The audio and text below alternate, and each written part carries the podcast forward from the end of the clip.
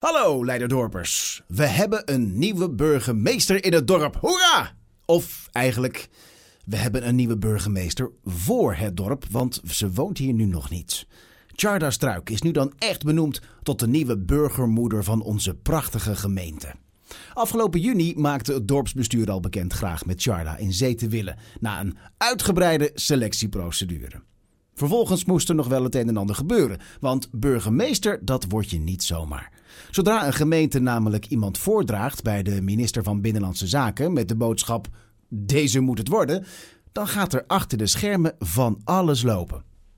Zo moet de nieuwe burgemeester bijvoorbeeld ook nog even helemaal worden doorgelicht door de veiligheidsdienst AIVD. Dat doen ze trouwens niet alleen in een gesprekje met de kandidaat zelf. Nee, ook familie, vrienden, kennissen, werkgevers, gaan zo maar door. Ze worden allemaal stevig aan de tand gevoeld door Nederlands beste spionnen. Om er zeker van te zijn dat wij in Leiderdorp met die nieuwe burgemeester niet een paard van Troje binnenhalen.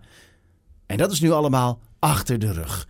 Struik blijkt geen smetje op haar blazoen te hebben. En dus kan zij op 14 november aanstaande zonder problemen benoemd worden door de commissaris van de Koning voor Zuid-Holland, Jaap Smit. En dat gebeurt dan in het gemeentehuis hier in Leiderdorp tijdens een openbare raadsvergadering. En daar kunnen wij dan allemaal gezellig bij zijn. Lijkt me nou al een hele leuke avond. Charda Struik. Ik heb er op zich wel vertrouwen in. Het lijkt me een leuk mens. Al vind ik de stap van gemeenteraadslid in Zeist naar burgemeester. Dat vind ik wel wat groot om in één keer te maken. De meeste zijn toch eerst nog even ergens uh, wethouder of Tweede Kamerlid geweest. Ja, en ze is jong. Ze is jong, 37. Dit wordt de eerste keer in mijn leven dat ik een burgemeester krijg die jonger is dan ik. Maar dat zegt uiteraard meer over dat ik een oude man aan het worden ben dan over haar en haar kwaliteiten. Ze gaat het vast heel erg goed doen.